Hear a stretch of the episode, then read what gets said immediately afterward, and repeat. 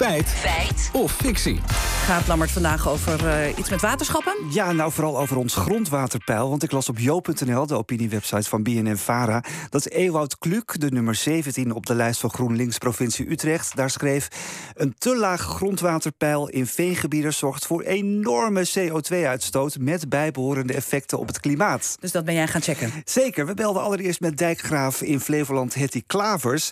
Zij legde eerst even uit wat de waterschappen hiermee van doen hebben. Waterschappen die staan voor uh, bescherming tegen overstromingen. Dus zorgen voor bijvoorbeeld de dijken.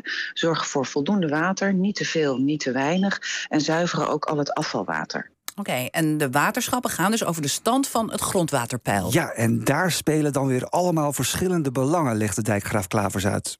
Nou ja, over het algemeen, als de, uh, de grondwaterstand niet te hoog is, dan kun je daar veel meer type landbouw op bedrijven.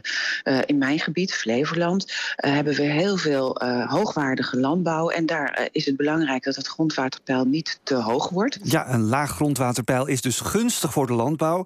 Maar de natuur heeft weer een ander belang, zegt ook hydroloog aan de Universiteit Utrecht Nico Wanders. Als het grondwaterpeil verlaagt, dan wordt in principe wordt het de grond minder drassig, minder nat. en dat betekent dat je er bijvoorbeeld met landbouwvoertuigen makkelijk overheen kan. Uh, aan de andere kant, als je het hoger zet, dan wordt over het algemeen gezien als beter voor de natuur, omdat dan de planten meer water tot hun beschikking hebben om te groeien. En waarom zorgt een laag grondwaterpeil uitgerekend in veengrond dan voor zoveel extra CO2? Ja, dat heeft te maken met de plantenresten waar veen uit bestaat, vertelt Jacob Wallinga, hoogleraar bodemgeografie en landschap aan de Wageningen Universiteit.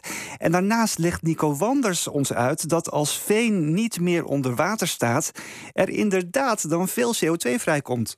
Al die plantenresten die, uh, ja, daar, waarvan ze gemaakt zijn eigenlijk, die bestaan uit CO2. Uh, CO2 dat uh, vele, vele jaren geleden is opgeslagen. Ja, en als dat dus oxideert, en dan kan het dus de atmosfeer in. Maar wat gebeurt er dan precies met de veengronden of de, de gebieden waar het water jaren veel te hoog staat? Nou, er zijn twee grote gevolgen, vertelde Jacob Wallinga. Het zorgt voor ongeveer 3% van de landelijke CO2-uitstoot. dus dat is, dat is een aanzienlijk aandeel. En daarnaast zorgt het voor bodemdaling. Uh, want het, het veen wat, uh, wat vergaat, uh, dat bestaat niet meer. En dat betekent dat de bodem omlaag gaat. Ja, en die bodemdaling, dat is een groot probleem. Huizen kunnen dan gaan verzakken. En het risico op overstromingen neemt dan ook toe. Maar wordt het dan lastig om beslissingen over het grondwaterpeil te nemen in de waterschappen de komende jaren? Nou, daar graaf Hetty Klavers legt uit hoe ze naar de komende jaren kijkt. Er zijn eigenlijk altijd al verschillende belangen uh, in het waterschap als het gaat over grondwaterpeil. Uh, en nu hebben we natuurlijk een, uh, een behoorlijke stevige uitslag met grote winst voor boer-burgerbeweging. maar tegelijkertijd die zijn niet de overal, of eerst zeker ook in mijn gebied, niet, hebben ze niet de absolute meerderheid. Dus er zal nog steeds naar compromissen gezocht moeten worden.